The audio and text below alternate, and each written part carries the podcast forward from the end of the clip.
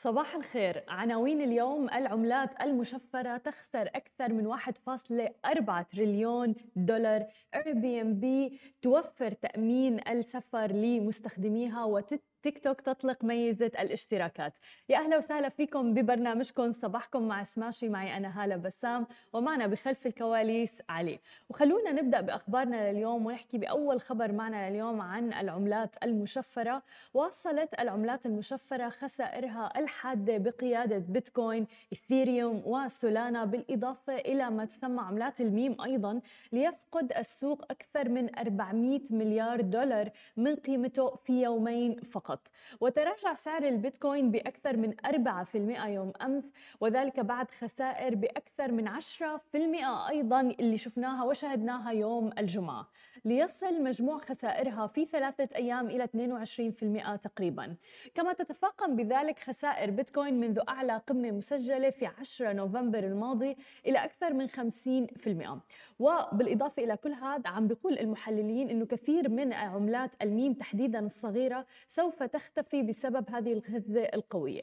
وعلى ذلك أيضا فقدت قيمة آه، القيمة السوقية للعملات المشفرة تقريبا 1.4 تريليون دولار من قيمتها السوقية خلال شهرين فقط. بعد ما كانت آه، قد لامست مستوى 3 تريليونات دولار تقريبا لتبلغ القيمة السوقية حتى أمس السبت نحو 1.6 تريليون دولار. انخفاض حاد جدا كان باليومين الماضيين. انتعشت العملات المشفرة مرة أخرى تقريبا وتحولت الدفة نحو الصعود من جديد. وسجلت عملة شيبا إنو ارتفاع بنسبة 26% لتعوض جزء من الخسائر الضخمة اللي صارت باليومين الماضيين. حيث لا تزال متراجعة طبعا بأكثر من 24.7% خلال آخر أسبوع. كما صعدت أيضا كل من بيتكوين وإثيريوم بنسبة 0.1% تقريبا و3 في المئة إلى مستوى 35800 دولار و 2526 دولار لعملة إثيريوم مثل ما عم نشوف في انخفاض حاد للعملات المشفرة عم ترتفع أيضا ولكن عم نشوف موضوع ال regulations والدول اللي عم تعتمد العملات المشفرة إلى حد ما عم تدعم هذه آه، السوق لحتى تكون ضمن التداولات اليومية اللي يمكن يستخدموها الأفراد ولا تكون فقط للاستثمار. أما عن ثاني خبر معنا لليوم نحكي عن شركة Airbnb قالت الآن شركة Airbnb انها رح تبدأ بتقديم خدمات تأمين السفر بداية من الربع الثاني من العام الحالي. على أن تكون بمقابل غالبا آه، لكن رح تكون بإجراءات سهلة جدا تستهدف الحماية أيضا ضد تبعات كوفيد 19 وبيلجأ الناس إلى وكالات التأمين قبل سفرهم لضمان حصولهم على رحلة آمنة أيضا تجنب تكاليف ومخاطر محتملة. ولكن Airbnb الآن بهذه الخطوة عم تهدف إلى توفير الخدمة مباشرة عبر منصتها. وبالتالي حصول المسافر على تأمينه عند حجزه لمكان الإقامة رح يكون مباشرة رح يكون بسهولة جدا. ورح تكون هذه الخدمات بطبيعة الحال بالشراكة مع مقدمي خدمات تأمين السفر اللي اوريدي موجودين. يعني نفس الخدمات الخارجية اللي رح تكون متاحة عبر المنصة ولكن رح تكون بإجراءات سهلة ودون الحاجة للتوجه لمكاتب التأمين أو موقع إضافي آه، للحصول على التأمين.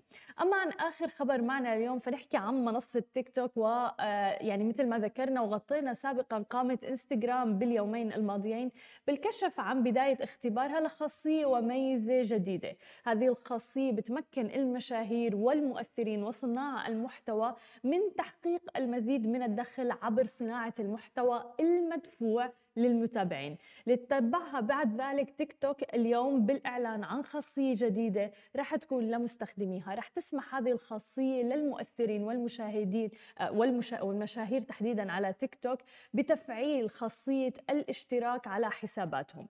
وبالتالي فيهم يعرضوا محتوى حصري رح يكون محتوى خاص جدا عبر حساباتهم بحيث ما بيظهر سوى للمشتركين. طبعا كل هذا رح يكون بمقابل مادي على عكس المحتوى العادي المجاني المتوفر للجميع.